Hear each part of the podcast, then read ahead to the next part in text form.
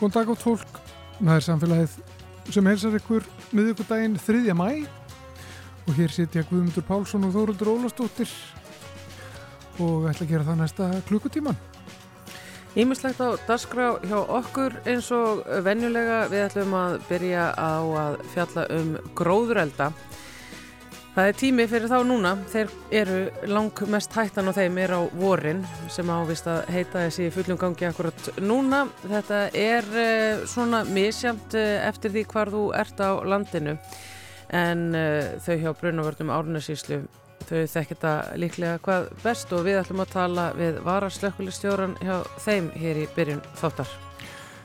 Hönnunarmars er hafinn og viðburðir um allar trissur tengdir þeirri miklu háttíð meðal annars í Norranna húsinu þar sem aðstandendur verkefni sinns lúpína í nýju ljósi trefja efni framtíðar hafa komið sér fyrir og ætla að sína afrastur sinna rannsókna. Þar að rannsaka hvernig nýtam á Alaska lúpínu með framlegslu á trefja efnum til dæmis byggingarefnum og umbúðum.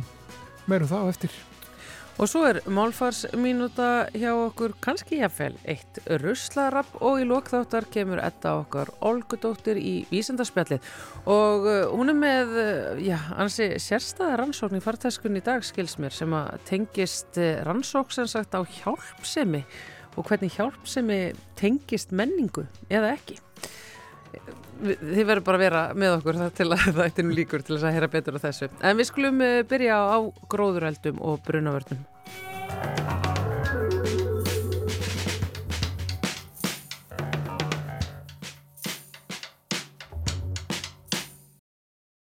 Á þessum tíma árs er langmest hætta á gróðureldum á Íslandi. Þetta gerist þegar snjóa hefur list en gróðurinn er ekki farin af stað. Það er því þurft á og ef úrkoma er lítil er mikið elsniti í gróðurinnum frá síðasta sömri. Voru 2021 var mikið óvissu stig á stórum hlutalansins og það voru náttúrulega miklu gróðureldar þá í heiðmörk. Í fyrra var sem betur fyrr næg úrkoma. Já, það er hægt að blessa rigninguna ef maður sinnir brunavörnum. En svo Lárus Kristinn Kristin Guðmundsson var að slökkvilistjóra hjá brunavörnum Árnarsíslu sem er hér á línunni með okkur. Sælvertu Lárus? Já, komið sæl. Hvernig er staðan á landinu núna með tilliti til uh, mögulegra gróðurelda? Sko það er, það er þegar aðeins byrja að vera að hætta og það leið og þotnar í nokkra daga og, og sólinn fyrir hans að láta sjá sig og kemur líka rók þá, þá oft er gróður mjög fljótur að þotna þó, og þó það regnir smá þá er það fljótt að þotna upp aftur en það er svo sem ekki komið svona, við erum ekki búin að vera með þurrkaði marga daga til dæmis hérna á Árnýsíslu er ennþá snjóri yfir hluta af okkar starfsvæði en hann er að fara núna með hækkandi sólu. Já, sko er verið að fylgjast eh, svona mjög vel með þessu og taka þetta út og, og hverjir er að gera það? Jú, við þetta erum alltaf á tónum hérna viðbrasaðalar og, og eins í góðu samstarfi viðstofun og annað þegar þannig tímar byrja að koma og þetta er eins og ég sagði á hann, það er fljótt að þotna í gróðurinn og þess vegna erum við að mælast til þess fyrir fólk að það fari getilega með eld og þetta margir aðeins þætti líka sem geta kveikt í. Eru gefnar út svona viðvaranir á svæðum þar sem að gróðuraldar sko, eru líklegir? Já, við, við förum í það þegar, þegar við sjáum fram á langvarandi þurka til dæmis og, og eins, og við, eins og þú nefndir áðan hérna fyrir tveimur árum þar sem við vorum með þurka í fjórari vikur sem við erum kannski ekkert vola vön hérna á Íslandi en hérna, þá, þá förum við að gefa út viðvaranir. Já. og eins og þetta byrja við bara sælar að, að mælast til þess að fólk fari gætilega. Svo, svo þetta er oft staðbundi líka hvar er, hvar er þurft og, og, og þetta getur verið breytilegt bara á mjög litlu svæði. Það regnir meira hér og, og þurft annars þar Já. og eins bara hvernig vindar og annað hafa leikið svæðin. Einmitt út af þessu, uh, af því að þetta getur verið svo rosalega mismunandi milli svæða sem eru samt sem að sko mjög nálegt hvort öðru, hafa viðbrans aðeinar alveg nægilega yfir sín? Sko við reynum það eins og við getum og við erum þetta á tánum alla daga og hérna og þetta erum að hvetja alveg til þess að vera með okkur í þessu og eins að fara gætilega og annað en hérna eins og segi við reynum að vera á tánum alla daga í, í okkar störfum. Já. En eins og þú sagði Lárus, það er náttúrulega þetta sko einfaldadæmi með að fara varlega með eld en það er svo ímislegt fleira sem að fælst í því ef þú getur nú aðeins rent yfir þetta helsta með okkur. Já, það er bara, við höfum verið að sjá til dæmis að fólk er ofta að brenna arfa með gasbrennurum eða ramagsbrennurum. Það hefur til dæmis orsakavaldur notkunar slípir okkur nálagt semt gróðri hefur valdið. E, bílar sem er í gangi til dæmis út á túnum eða öðru þar sem er stutt í gróður að það hittnar frá þeim. E, við höfum sétt brot frá hérna sem brotnar úr bremsudiskum á bílum, skýst út í móa Eh, síkarettustubbar og annað sem er svo sem fækandi tilvik. Eh, svo þetta er oft þetta fyrkt hjá hérna, fólki eða ungmennum að það getur líka valdið að fólk er að hérna, fyrkta með eld mm. og þetta hvetir fólk bara til að fara gætilega líka með að það er með hérna, einnúta grill eða, eða annan soliðis búnað. Já. Ég heldur sko að oft er þetta náttúrulega bara óvitaskapur kannski einmitt hjá börnum og, og ungmennum og, og kannski líka bara fullorðnum fólki að maður bara áttar sig ekki á þessu. Það er svo stutt síðan einhvern veginn að það var vetur og snjóri yfir öllu og, og mann finnst eins og það sé en þá frost í jörðu og það sé bara engin elsmatur í umhverju sínu. Þetta er kannski bara einhver svona rángur lestur á náttúrunni. Já, það er svolítið þannig. Við vorum að eiga við hérna fyrir nokkru vikum vorum við að eiga við gróðarildi í mínus 14 steg af frosti Já. og hérna þannig að það, þá er bara yfirborðið, þetta, það brennur alveg og meðan það er ekki snjór eða, eða vært á því og hérna eins er líka bara þegar það er rók og sól þá er ótrúlega fljótt að þotna upp í, í efsta yfirborðinu. Já, þannig að þó að þér sé kallt eða hefðið þú sért blöytri fæturnar þú hafi verið að ösla einhverja mýri að þá getur samtalið brunnið allt í kringu þig. Já, já, og það þarf oft líka bara hérna, það þarf oft talsað til þess regningu til þess að blotni alveg upp í. Já, það þarf, ymmið, það þarf svo mikið, já. já. Þannig að þó komir kannski smá dempa þá dögar hún skamt. Já. Sko þið eru náttúrulega með ákveðin svæði hérna svona fylgist vel með eins og til dæmis eins og upp í heiðmörk og þar er skórektinn og, og þar eru þið með svona hérna fólk sem eru svona ykkar haukar í horni en, en það eru náttúrulega þessi minni landegundur og sömarbústaði eigendur sem er þá vantilega mjög mikilvægt að koma já, þessum skilabóðum til og, og, og fá þau til þess að gera ráðstafanir á sínum svæðum. Já, sko við hjá Brunaldum Ánæsislum höfum verið í góðu samstarfi við skórektafélagin og sumarhúsafélagin og, og mun, mun fleiri aðila varandi þetta og hérna semt bæði haldið þá fræðsleirandi fyrir fólk og eins drift efni, eins hefur verið e, samstagsverkefni slökulegana Brunaldum Ánæsislu og húsnars- og manningstofnum með heimasína gróðureldar.is þar sem er að finna mikið upplýsingum fyrir bæði sumarhúsaeigendur og aðra og við mælum alltaf með að fólk kíki þar einna því að það er má finna ymsar hagnýtar upplýsingar til þess að lesa sér tilum. Það er einmitt í þessum upplýsingapakka eh, sem að hérna svona eftir að hafa rent yfir hann að þá fór ég að hugsa um já, mjög, mjög marga bæi og sumarhús sem að ég þekki til og, og sé að þar er þar er ímislegt sem að má bæta af því að veist, maður áttast ekki á því þetta með að skólendu og gróður sem að næru upp á sumarhúsum sem að er bara kósi og fallegt finnst manni en þetta er stór hættulegt Þa, það, það getur verið það. Og við hefum verið að hvetja fólk til eins og til dæmis í kringum sumabústaði að grísja gróður svolítið þannig að það séu einhverjir metrar í kringum húsið þar sem er ekki gróður þannig að ná ekki að. Mm. þannig að bæði ef það kemur upp eldur í húsinu að hann kveiki ekki gróðri og öfugt. Og einsleika fólk geta grísi hérna trí og annað og eins með ef það er sína að græs alveg upp á bústöðunum að, að huga því. Mm.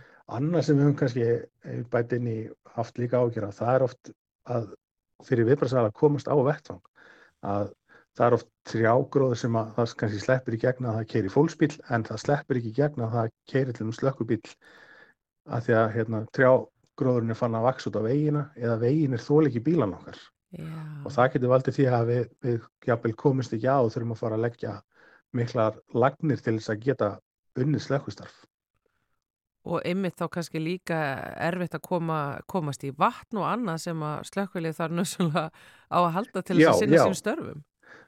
Já, og það, það er ofta tíðum, það er svo sem eins og núna svona, þegar veturinn var að klárast, þá voru að lendi því að, að lækir og svona svo þetta voru bara bort frostnir, þannig að við vorum ekki komast í þannig vatn, mm. en við getum þurft að koma sem slökkubíla, dælubíl og síðan tankbílum að þeir eru að flytja með okkur vatnið og hérna, þannig að ef við komumst ekki í hérna, á eða læki eða annað þá hérna, getur við oft verið talsveit snúið að slökka svona elda mm. og vegna hefur við líka verið að hvetja sumumbústæðar eigendur annað að huga því að það sé möguleik eitthvað starf að komast í vatna því að það hjálpar okkur alltaf. Nú veit maður þá að, að, að þið í svona viðbrasaðalar, það eru til alræmt svæði á Íslandi uh, sem að bara byggðust upp kannski áður en að fólk fóru að hugsa eitthvað um uh, gróðurelda. Uh, þar sem að gróður hefur vaksið bara mjög mikið í gegnum árin og, og, og í kringum bústæðina sem að þar eru, þetta eru svona sömurhúsalönd og ákveðin svæði á Íslandi.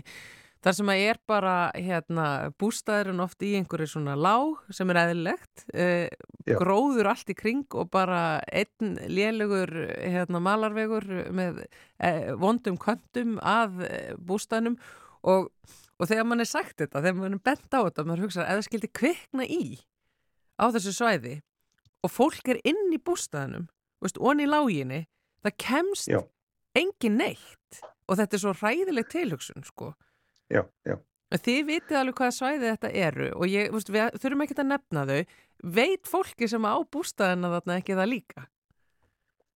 Ég myndi nú svona halda það. Við, hérna, við höfum nú og, og slökkulismenn og fleiri og slökkulinn hafa verið að vekja máls á þessu og, og hverju, hverju voru og meiri segir gróðölda tímin heila farin að ná yfir allt árið. Það er að koma tímabili yfir árið líka, yfir veturinn og hérna og þetta er þetta kannski líka, veist, fólk þarf þetta líka að huga sínu eigin öryggi, þú veist, er, er bústæðurinn minni eða gamli bústæðurinn hjá maður afa, er hann, eh, hérna, er ekki örgar flotta leðir, þú veist, þurfum við að bæta eitthvað úr því, ja. að hérna, að því að auðvitað getur við ekki komið og sagt hverjum á einum, en hérna, en við, þess vegna erum við að, að með þessar svona tilmæli til fólks, við erum að benda fólki á upplýsingar hvernig er best að setja upp flotta leðir og annað, og líka fólk hugi bara þessu. Og þetta er kannski eins og bara við erum alltaf að mæla með fyrir fólk heima. Þú veist það sem er ekskynni og slökkutæki og eldvartantæpi heima. Og það sem er flótalegin á hreinu hvernig ætlum ég að komast út heima ef eitthvað gerist mm og mhm. hvað ætlum við að hýttast fyrir utan það ákannski bara sama við með sumabústæðin okkar og, og, hérna, og þau svæði sem við erum á allt sem að þið finnst indislegt við sumarhúsið þitt að, að það sé svo mikið pottur á pallinum að því að vindurinn næri ekki þarna og onni lægðina til þín og, og þú hlustar á þittin í trjánum uh, í kringu þig og einhvern veginn, veist, þetta sem er svo indislegt við að eiga sumarhús að þetta er einmitt þá líka sko ef þú horfir á þetta út frá brunavörnum hræðilegt. Þa, það, það getur verið það, en eins og ég segi það er nú, það er nú kannski ekki alltaf þessir hættu tímar hjá okkur og maður vill ekki kannski alla á þæsla úr en, en, en, en samt sem aðra við höfum bara í huga og það er svo mörg aðri sem við getum gert til þess að bæta hérna, aðstæðanar okkar og tryggja betur öryggi.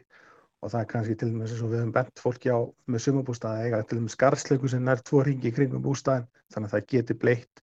Ef eitthvað kemur upp á það getur bröðist strax við Já. og það er svona hlutir sem við getum hugaða og eins að grísa gróðurinn í kring. Já. Já, þannig að þetta er einmitt svona fyrir fólk að vera meðvitað um þetta og horfa kannski í, í kringum sig á sínum svæðum og, og, og með þessum glerugum, brunavarnar glerugunum, möguleikanum hættuna og gróður eldi glerugunum. En eh, sko, Lárus, Eh, sko, þú kemur einmitt þarna inn á, við erum að, ég er að tala við þig af því að þetta er gróðurelda tímin en, en það er bara breytast út af bara breyttu veðufari og, og, og lofslagsáhrifunum og því öllu. Og einmitt er þetta að segja að þetta er eiginlega farið að skjóta sér niður bara árið í kring. Um, er ég veit að það er alls konar hjá ykkur almannavörnum og viðbrasaðalum er svona verið að skoða uh, hvernig þetta kemur til með að þróast en er þetta ekki að gerast pílutir hraðar heldur en að eitthvað grunnaði? Jú, þetta er kannski svona eins og hann oft gert grínað hérna fyrir árum áður að, að það veri nú að standa upp í skórækt á Íslandi. Já, já. Þá sæði maður yfir, það, það er kannski svona búið spil, en hérna, en ég held, við erum alltaf að horfa í þessa hættu og reyna að aðvara og, og reyna hérna að gera samfélagið örgara eins og við getum, mhm. -huh. en, og hérna, það, en eins og sé, þetta er að gera strætt og við til dæmis núna fyrir tveimur árum voru til dæmis áramótin. Þá lendum við í því að hafa talsverði fjölda útkvöldum hjá okkur vegna elda. Og þá var búið að þurft í hérna nokkra daga og þá þetta var hérna flugelda flugeldar og brennur sem voru að valda eldum þá um allar, allar sveitir hjá okkur. Og hérna þannig að eins og segja þessi tími hann er að, hann er að tegjast Já. yfir og, og kannski líka þegar maður horfður tilbaka mann fannst ofta, ofta regning en hérna en þetta er svolítið mjög breytilegt eftir veðri bara hvort að er þurft eða, eða blött sko. Já, já, Íslandingum finnst náttúrulega eiginlega alltaf verið regninga en ymmið, það er það svo sem ekkert, ekkert alltaf þannig sko. Og þóttnar fljótt eða kemur vindur með sem er nú annar algengur hlutur í veðufar hér. Já, það er kannski að vindurinn okkar, hann er, hann er oft mikið hjá okkur og, og, og getur oft varað lengi líka, þannig að hann er fljótur að gefa hennan brakandi þurrk eins og bændinu tala oft um. Já, já, þetta vita líka öll sem að hengja ennþá út á snúru. Já, nákvæmlega. En Lárus, sko, það er þetta með að þetta er náttúrulega áviðum náttúrulega landið umkring en það eru ákveðin svæði sem eru útsettari fyrir þessu heldur en önnur og það er nú kannski áviðum ykkur þarna í árnesíslunum. Það er alveg það er alveg ástæði fyrir því að rútadólnu, eins og sagt er, að þið eruð eh, mjög sérhæf þarna í gróðuröldum í brunavörnunum í Árnæsíslu. Útskýru nú fyrir fólki sem að hérna fer ekki mikið út fyrir sína sveit, eh, hvað þið eruð að takast á við þarna í ykkar nákvæmni? Hvaða er í náttúrunu hjá ykkur sem að veldur því að, að þið eruð sérhæfð? Sko það er þetta bara eins og er á okkar starfsvæði á bruninu Árnæsíslu, það er gífilega mikið af skólendi og, og gróðlendum. E, við erum með mikið af svimabústaðakverfum eins og nefndir áðan og eins þetta mikið af tjaldsvæðum og, hérna, og svæðum þar sem fólk er með já, tjaldsvæðum og, og hérna, hjólísa vagnarna sína. E, þannig að það er nú kannski svona þessi stóru og svo þetta erum við hérna í árnisinslunda með svo stóran hlut af ferðamannum sem ferðast um svæði líka. Þannig að við erum með rosalega mikla umferð af allskins hérna ferðalöngum um okkar starfsvæði mm -hmm. og eins, eins og þú nefndir þessi gróðulendi okkar þetta eru gífulega stór og, og, og mörg orðin þetta gömul og, og rótgróðin þannig að það er orðið mjög erfitt að ferðast um þau mörg á okkar tækjum Já. og þess vegna höfum við verið að leggja áherslu á þetta þetta er eitt af svona hættunum okkar stóra hættunum Og sko, einmitt hjá ykkur eitthvað slökkulisfólkinu í, í þinni sveit. Finnst þið alveg svona ná alveg utanum þetta allt saman? Sko við teljum okkur utan á utanum og við höfum unnið mjög góða samstarfi með líka öllum öðrum viðbröðsælum og við vorum til dæmis núna í april voru við að æfa hérna, viðbröð við gróðureldum með slökkulismannum okkar og þar voru einnig búið, búið að vera með semt eh, björgunsveitamannum, voru árninsíslu, lauruglumannum og sjúkurðansmannum og við leggjum mikla áherslu á gott samstarfi milli aðila sem og við þetta erum í góðu samstarfi við nákvæmlega slökkuliðin okkar. Mhm. En fyrir sko slökkulisfólkið sjálft, af því að út, útköllin eru náttúrulega alls konar og, og mörg, veist, það getur kveiknaði húsu, það getur kveiknaði einhverjum svona hlutum eða bifriðu með einhverju slíku. Hva, hvað eru gróðuraldar? Eru það Er það, er, það, er það verstu útkvöldin? Er þetta erfiðast að vinna? Því ef það er gróðureldur þá þarf að bregða svo fljótt við og ef þetta fyrir böndunum og þá bara sér þau fram og bara já já frábært, ég verð hér bara næstu daga. Það, það er mjög erfitt að svara þessari spurningu kannski en það, fer svolítið eftir hvar gróðureldurinn er. E, ef það er ekkert í hættu, engin hús og, og hérna, reykur og annað frá gróðureldurum er kannski ekki að trubla hérna, fólk ef þetta gerist eitthvað starf svona út á víðavangi þá kannski höfum við minni ágjörða. Við þetta höfum alltaf ágjörða af í kringum, kringum sumabústaðar og, og, og, og tjaldsvæðin og það og eins þetta er bara á mörgum stöðum í kringum íbúðabíð og verður líka talsvært af gróðri eins og við sjáum bara í útkvæðlum á höfbruksvæðinu að hérna þar þetta er ekkert langt í, í, í byggð mm. en auðvitað getum við fengið mjög erfið útkvæð líka í, í byggingar þannig að þetta svona fer svolítið eftir í á hvernig svæðum við fáum eldana en við þetta reynum alltaf að breðast hratt og, og öruglega við með nægilegu mannskap til þess að ná að stoppa svona í, í, eins og við segjum í fæðingu. Þannig að, að verkefni verði ekki starra en þess vegna skiptir líka svo miklu máli að almenningur sé með þetta um viðbröðsín og, og hérna viti hvað er að gera. Og þess vegna erum við alltaf að hvetja til að fólk skoði gróðureldar.is síðuna mm. og lesi hans til um það og fólk svona hafi þá líka eins og við höfum hvart sumumbústaræðendur að vera með til dæmis við bústæðina sína klöppur utan á bústæðanum eða á aðgengilegum stað, vera með garslöngu, fötur og annað. Þannig að fólk geti byrjuði strax við eða eitthvað gerist að, að, þetta byrjar oft sem lítið bál en svo bara eins og við tölum um maðan, vindurinn og, og, og hérna, þá er þetta fljótt að breyða úr sér. Já, og talaðandi einmitt um þessa græur sem að almenningur þarf að hafa. Eru þið með alla græur? Er eru slökkulegin okkar með alla græður til þess að takast á í gróðurelda eins og þau verða geta orðið hvað verstir? Nei, sko, við, það, það má alltaf, alltaf gera betur í búnamálum og, og, hérna, og það hefur verið, verið að vinna verkefni með húsnæðs- og mannækastofnun og, og slökulegurum á landinu sem sameilegan búnað til svona auka búnað til styrkingar við þann búnað sem slökulegurinn hafa en við erum alltaf að bæta við okkur búnaði og hérna og búnaði og öðrum dóti sem við þurfum í þessi verkefni og hérna þetta er, það kallar á, á hellingspeninga og annað en við erum alltaf að reyna að gera okkur betri og betri varandi búnaðin. Já, já það er allavega nokkuð ljóst að það er þörf á því. Það er að hitna og, og, og, og granga í kringum okkur. Lárus Kristinn, takk fyrir þetta. Fyrir viðtali varst eitthvað að hafa ágjör að því að laboratortíkiðin myndi trubla viðtalið en hún hefur búin að vera prúð allan tíman. Er hún að þarna við liðna þér? Já, hún lukka, lukka mín, hún liggur bara hérna á gólunni hjá mér á skrifstöðunni og hérna bara óða kátt með þetta. Já, heyrðu, klappaði henni frá okkur í samfélaginu. Ég gerir það. Láris Kristinn Guðmusson var að slökkvilja stjóri hjá Brunavörnum Árnesíslu. Takk hérlega fyrir spjalli. Takk sem leðis. Everyone considered him the coward of the county. He'd never stood one single time to prove the county wrong. His mama named him Tommy but Folks just called him yellow. Something always told me they were reading Tommy wrong. He was only 10 years old when his daddy died in prison. I looked after Tommy cause he was my brother's son. I still recall the final words my brother said Tommy.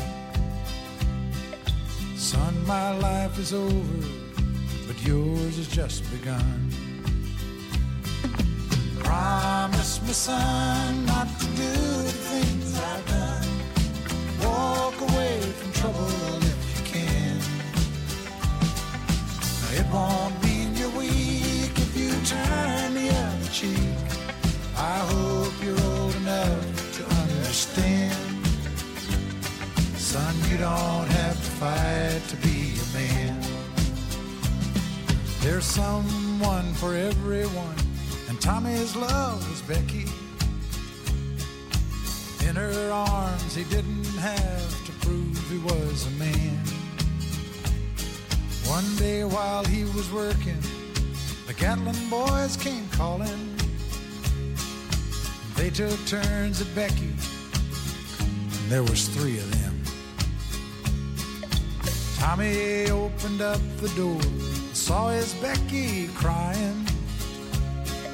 The torn dress, the shattered look was more than he could stand. He reached above the fireplace and took down his daddy's picture. As his tears fell on his daddy's face, he heard these words again. Promise me, son, not to do the things I've done. Walk away from trouble if you can. Now, it won't mean you're weak if you turn the other cheek. I hope you're old enough to understand. Son, you don't have to fight to be a man. The Gatlin boys just laughed at him when he walked into the bar room. One of them got up and met him halfway across the floor. When Tommy turned around, they said, Hey, look, old Yellow's leaving. But you could have heard a pin drop when Tommy stopped and locked the door. Twenty years of crawling was bottled up inside him. He wasn't holding nothing back, he let have it all. When Tommy left the barroom, not a Gatlin boy was standing. He said, This one's for Becky, as he watched the last one fall. And I heard him say, I promised your dad not to do the things you've done. I'll walk away from trouble when I can.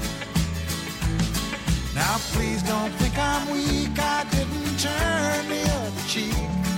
And Papa, I sure hope you understand. Sometimes you gotta fight when you're a man. Everyone considered him the coward of the county.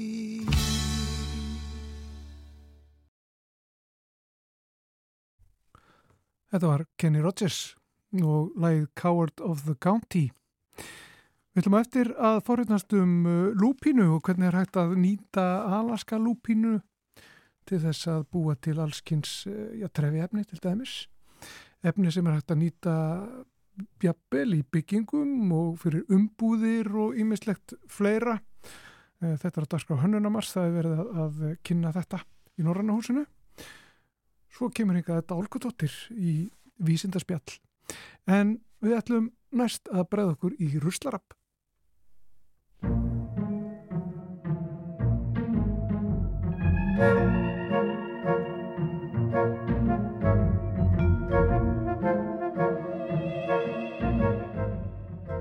Og þá er það ruslarappið hérna hjá okkur í samfélaginu. Þannig er ykkur Örd Þorstensson sem er sérfræðingur í fræðslu og miðlun hjá Sorpu er sestur hjá okkur. Sælurstu er ykkur. Sælurblesið. Hvað ætlar að segja okkur frá í flokkunarmálum í dag? Herri, ég ætla að tala um tannbusta. Hver tannbustar eiga að fara? Um, flestir tannbustar sem við kaupum, þeir eru úr plasti en, en plast er ekki sama á plast og yfirleitt eru tannbustar búin til úr mörgum tegundum af plasti. Slíkt er ekki endurvinnilegt og, og slíkir hlutir geta erinu verið þvælst fyrir uh, öðru efni sem er endurvinnilegt. Þannig að tannbustar fara með almennu sorpi og uh, svo er það náttúrulega þannig að, að í dag eru fleiri og fleiri tannbustar úr bambus mm -hmm. þannig að þeir fara sömulegðis með almenna sorpinu. Já. En svo er náttúrulega annað málvarandi hérna rafmastambustana, það er náttúrulega ráftæki og ef að þegar þeir eru búin að uh, þegar þeir eru ónýttir eða maður er að nota þá, þá fara þeir með ráftækjum. Já, þannig að hvort sem að það er plast eða bambustambusti tambustöðin þín er bara ef þeir eru ekki rafmastambustar, fara í almennasorpið En eru plastambustanir ekki svona meira mengandi heldur en bambustambustanir? Það er allavega svona markasetningin. Jú, í raun og veru. Ég myndi telja nú að bambusin væri betri en plastið. Það brotnar auðveldlega niður og, og er, er líklega auðveldara líka í framleiðslu.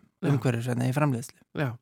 Þetta vissi ég ekki. Ég held alltaf að, að tannbustarnir sem að varu plasti færi endurvislu. En það er Já. gott að þú komst yngar til þess að, að leiðrætta þetta hérna hjá okkur. Allir tannbustar nema náttúrulega ramags beint í almenna. Akkurat. Takk fyrir komuna, Eirikur. Takk sem leiðis.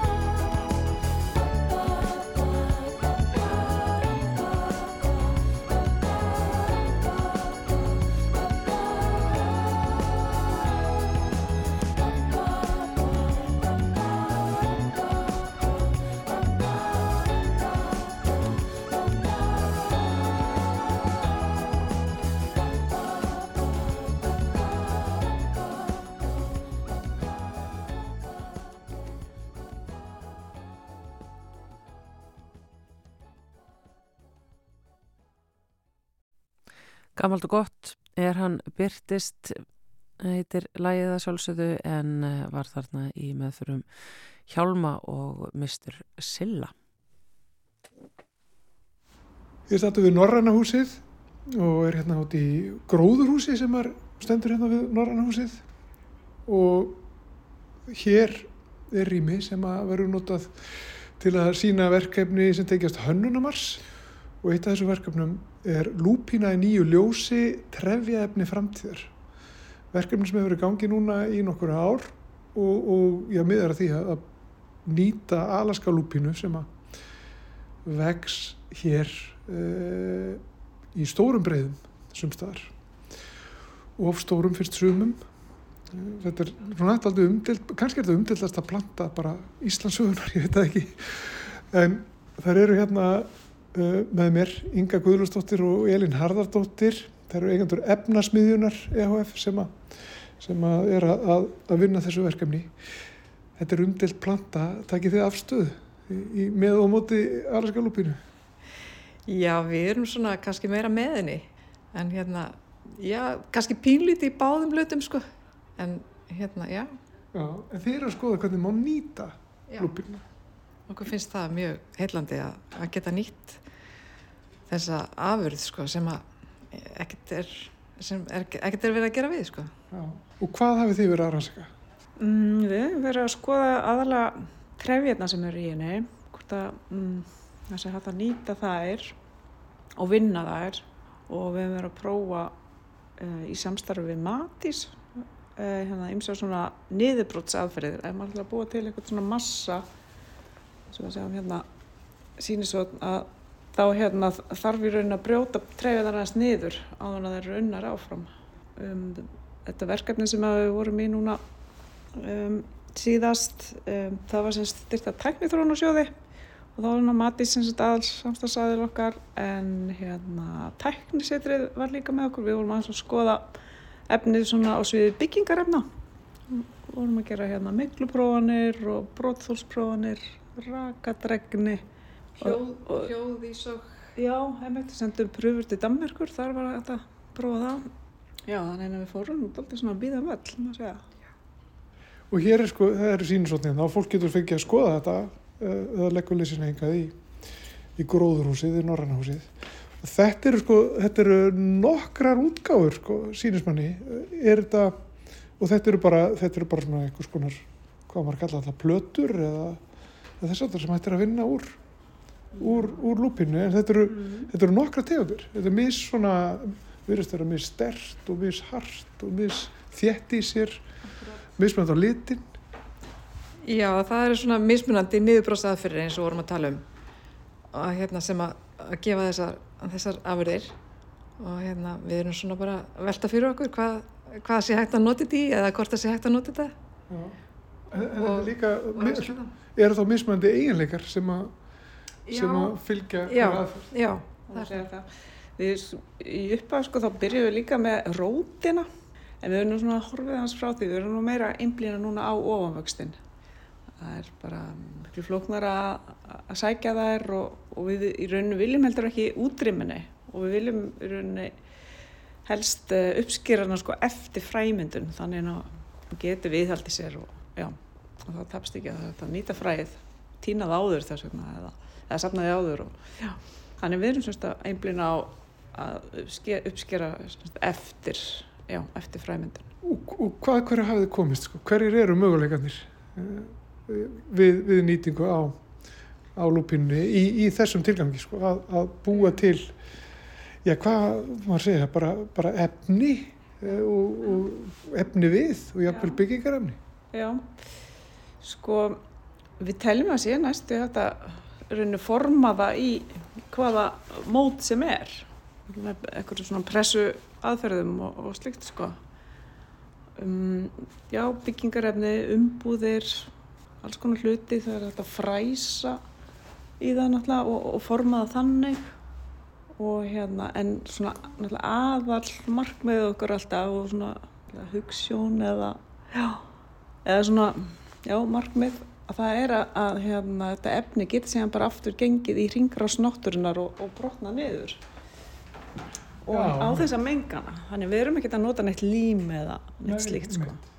Við erum að halda okkur við aðferðir þar sem að, að hérna, við getum sloppið það sko. Já, og við sjáum hérna mynd af ymmit Þetta er hérna Eh, plata út í, flötu út í náttúrunni sem og aftur sko komin í um, lúpínu breðina. já, bara sem ábyrður Það er að ljúka sem hlutarkið þar. já, það er svona sína ringrása hugsununa sem að við svona reynum alltaf að hafa sem leiðaljós. Það er rosa auðvelt að gleyma sér þegar maður er í svona, já, að hérna, þú veist eins og það sem að þessar plötur sem eru mjög ljósar, það er búið að, að hérna, hvað segir maður, hvíta efnið þess. Já, Við erum, manginni, við erum rosalega hrifin af hvítum lit og allt verður að vera hvít og en við þurfum kannski að fara að horfa tilbaka. þannig að, þannig að það, er, það er mikilvægt fyrir ykkur, finnst ykkur, að, að nýta efnið bara eins og það er. Já, það er eiginlega, það hefur verið svolítið leiðaljósið okkar að allt sem að við höfum farið út í að prófa, það hefur sem sagt, eh, þurft að vera þannig að við þurfum ekki að bæta einhverjum aukaefnum í til þess að sé hægt að nota það í eitthvað, auðvitað er það hægt að gera það, en það er ekki okkar stefna. Okkar stefna er bara að nota bara efnið eins og það er og nýta í það, í það sem er hægt að nota það í, í rauninni svona. Já, Ekki vera neyðala eitthvað sem að, já. já, kemst til ekki nema með hjálp kannski annara innfluttra efna jafnvel. eða- En við erum þetta núna í öðru verkefni, framhaldsverkefni, þar sem við erum að reyna að svona rakaverja það. Og, og hérna við erum í samstarfi við annað fyrirtæki og, og hérna við erum að skoða hvort við getum notað Og nú máttu útskýra úr, fyrir úr hérna, úr, sem hægt er að vinna úr þara gróðri. það er. Nú fyllt af því við landið. Þá eru það við einmitt þessu, þessari hugsunum að þetta sé bara náttúrulegt og það sé ekki verið að bæta neinum. Já, þessi efni sem að. En hvað, hvað getur við talað um sko að það setja framlega eins og þessi, þessi þessar plötur hérna sem við sjáum hérna á stórum skala sko, hvað erum við að tala um hérna? Erum við að tala um erum við að tala um að það setja að reysa einhver, einhvers konar byggingar úr þessu efni eða? Já, hugsanlega að einhver leiti sko, en hérna þetta er í rauninni eins og þetta er svona þá er þetta ekki rakahælt sko. Þannig að þetta er þá innanhús klæningar eða uh, hvað sem er þannig sko, Já, en ekki, ekki sem, sem sagt, ytri vörn. það er nú kannski að, og hjá kannski mörgum svona nýsköpunarverkefnum að einhverjum að hérna, það er þessi uppskulun og, og komið sá eitthvað svona um, stærra form, það er alltaf aðal hérna þröskuldurinn og, og hérna, já, áskorun í svona verkefnum. já. En hvernig gengur þetta þá? Sko, þið eru búin að vera svona spáið þetta í svolítið langan tíma, í nokkur ár eða ekki, hvern, að koma þessu einhvern veginn af stað og hvernig gengur þetta? Sko, þið eru búin að nefna nokkra samstarfsæðila og, og þess að þar. Og já, maður svona horfir kannski til þess að eftir því sem að kannski plastið verður bannað meira og þú veist, og, það, svona ítir allir svona stóra myndinu kannski meira í átt að svona efnum sem að, eins og þessu, Já. sem að er uh, sjálfbært og, og við getum bara sett í grænu tunnuna eða, já, að það kannski eigi eftir að hjálpa okkur samtíðum, að það bara verður alltaf þólumóður og hérna, Já. vona það sko en það er náttúrulega bara eins og með öll kannski verkefni að þau, þau verða að gefa eitthvað af sér það, mann vil ekkert kannski setja peninga í bara að hugsjón og fá ekkert ekkert hérna arðbært út úr því sko Sko, mér finnst þetta, þetta minnum þetta alltaf rökkbröð sumt að þessu. E, e, hafið þið smakkað þetta? Er þetta borða? Nei, held ég að við nú bara ekki smakað þetta sko. En hérna, þetta á að vera, við hérna, fundið það út, þetta væri food safe sko, með ákveðnum aðferðum allavega. Já, Já, þannig að það, það á að vera hægt að það, það gerist ekki træðarið þó að einhver myndi borða. Nei, mitt. Ef við segjum að þetta veru umbúðir utan um matvæli og svo getur við að ég pláss fyrir smá viðbútt og Já. klára Já. umbúðir líka, það veri, er það möguleiki? Já, að, að, að, með þess að eins og ég segi, vissum aðferðum, þá er það möguleiki, já. Það var ekki að vera hættulegt að borða það. Nei, sjáum hvort þetta endar þannig. það er náttúrulega eitthvað beiskju efni í henni þess vegna er hún ekki notið til þess mikið fyrir beit og, og hérna að því hún fer ítla í maga Já, út af þessum hjá beiskju efnunum en það er hægt að ná þeim úr með ákveðnum aðferðum Matís eh, hérna, fundið út með þeim að að það væri hægt sko. Lúpínukúrin, hann kannski Já. kemur ykkur til þar. Það er náttúrulega prótein og alls konar efni í þessu, sko, liðarefni, það er, hérna, og þetta er svakalega mikill bíómassi, efnismassi sem að hann er. En, en þeir eru búin að koma ykkur fyrir hérna í, í gróðurhúsinu, þannig að fólk getur komið hérna og kynnt sér þetta. Já, svo er hérna þeir sem að uh, sjá svo ekki fært að koma og kíkja hérna við og þeir geta skoða heimasíðan okkar, lupinproject.com. Það er hérna ymsar upplýsingar um verkefnið.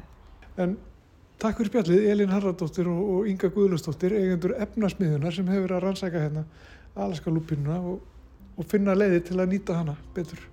Takk sem er leiðis. There's no combination of words I could put on the back of a postcard. No song that I could sing, but I can try for your heart. And our dreams, and they are made out of real things, like a shoebox of photographs with sepia tone loving. Love is the answer, at least, for most of the questions in my heart. Like, why are we here and where do we go? And knock on us so hard. It's not always easy, and sometimes life can be deceiving. I'll tell you one thing, it's always better when we're together. Mm, it's always better when we're together. Yeah, we'll look at them stars and we're together. Well, it's always better when we're together. Yeah, it's always better when we're together.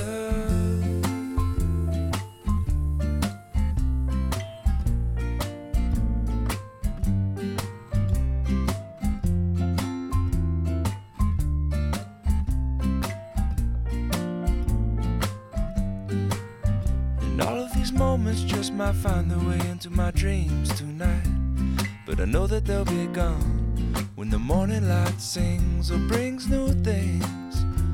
For tomorrow night, you see that they'll be gone too. Too many things I have to do. But if all of these dreams might find their way into my day to day scene, I'd be under the impression I was somewhere in between with only two, just me and you. Not so many things we got to do, places we got to be. We'll sit beneath the mango tree now. Yeah, it's always better when we're together. Mm, we're somewhere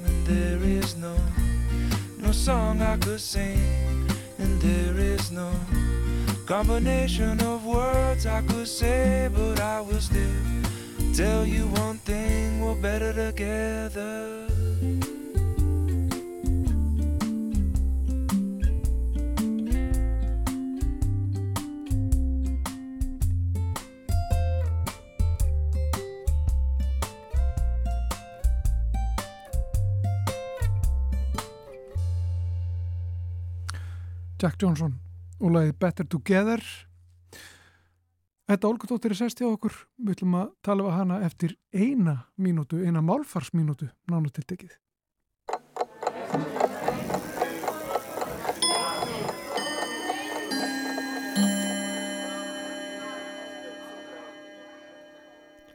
Skattól voru geysi vinsæl til fermingargjafa á 7. og 8. áratögnum. Engum voru það stúlkur sem fengu slík húsgögn í fermingargjöf, sem þjónuði ekki engangu sem skrifborð, heldur var hægt að geimi þeim skartgripi og snirtuvörur og oft var speill undir borplötunni sem hægt var að lifta upp. Þetta voru hagnýtt fjölnóta húsgögn með skúfum undir fatnað, útræðanlegri borplötu sem hægt var að lifta og undir henni skúfa með nokkrum holfum og hillu yfir borplötunni. Heitið skattól var ráðgata. Hvaða orð var þetta? Hvaðan kom það? Það mætti ætla að það væri ógagsætt með öllu en málhreinsunar fólk gerur oft kröfu um að orð séu gagsæ svo að merking vera séu öllum ljós. Og merking orðsins skattól er morgun ljós öllum sem þetta þetta húsgagn, öðrum ekki. En orðið er augljóslega af erlendum uppruna.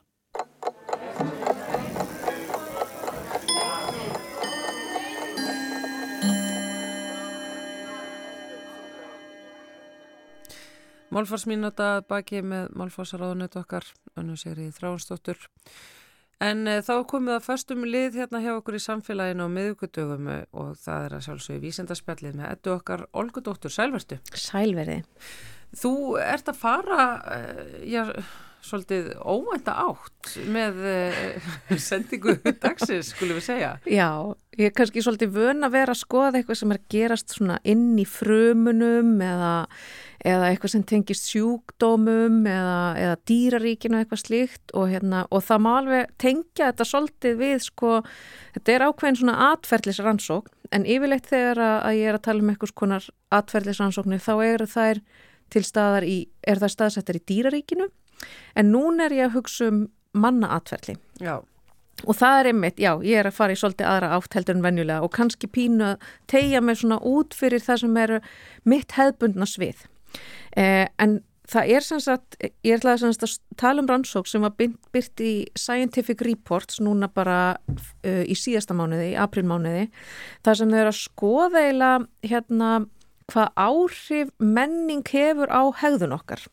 Og í þessu tilfelli þá er það að skoða vegna að, við erum með alls konar, það er náttúrulega menningarlegt fyrirbæri hvernig við útdeilum auðlindunum okkar og hvernig við byggjum upp samfélagið okkar. Og þá má meðal annars telja til eitthvað eins og skattlagning. Og hver er það sem greiðir fyrir innviði. Það er ákveð menningarlegt fyrirbæri. Og rannsóknir sem hafa verið gerðar á hérna þessu, hvernig fólk hagar sér í samanburði við það hvernig þeirra samfélagi byggt upp mm. það er sína að þar sem að ef við getum bara sagt, ef við getum bara sett þetta í svolítið pólitíst samhengi, þar sem að samfélagið er til hægri að þar hagar fólk sér frekar þannig að það heldur að sér því sem að það á og deilir síður með öðrum sem er í vanda. Þetta er svona einstaklingsheikjan og, og egna pælinginu. Emmitt og svo þegar þú ert að, hérna, að horfa á samfélag sem eru meira til vinstri að þar er fólk kannski meira viljugt til þess að deila því sem það á með þeim sem minna mega sín. Ja.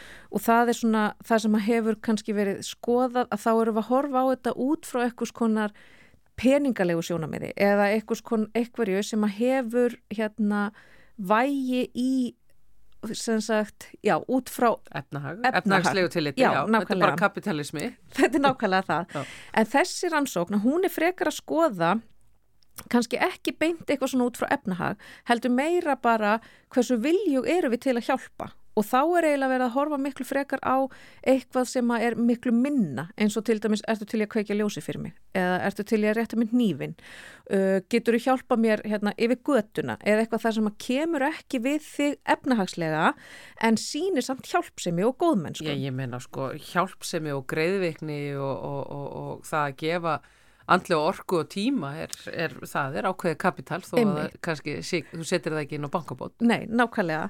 Og þessi rannsókna hún er svona kannski að horfa meira á þessa þætti í því samhengi og þau eru í rauninu veru að aðtuga hefur það áhrif á þessa hjálpsemi hvers konar samfélagi við búum í? Það, hefur það áhrif hvort að við búum í samfélagi sem að hallast til hægri eða til vinstri, svona í pólitísku samhengi. Nú er þetta orðið mjög forveitinlegt. Og til þess að skoða þetta, þá eru þau nefnilega að framkvæma rannsókn á áttamismunandi stöðum í heiminum og þau skiptaði megilega upp í tvent og það hérna svolítið skemmtilegt að þau tala um sko, skamstöfunin er sko tvöfaldvaf EERD sem er hægt að hérna, lesa sem weird eða skrítið já, já. og það sem er weird það stendur fyrir sko vestrænt, eh, háttmentunastig, yðnvæðing um, og það er að segja þetta hversu rík við erum, það er að segja þetta sem að við búum við hérna á Íslandi. Og svo er það non-weird eða ekki skrítinríki og það eru þessi sem að búa kannski við læra mentunarsteg, það sem er meiri fátækt og svo framvegis.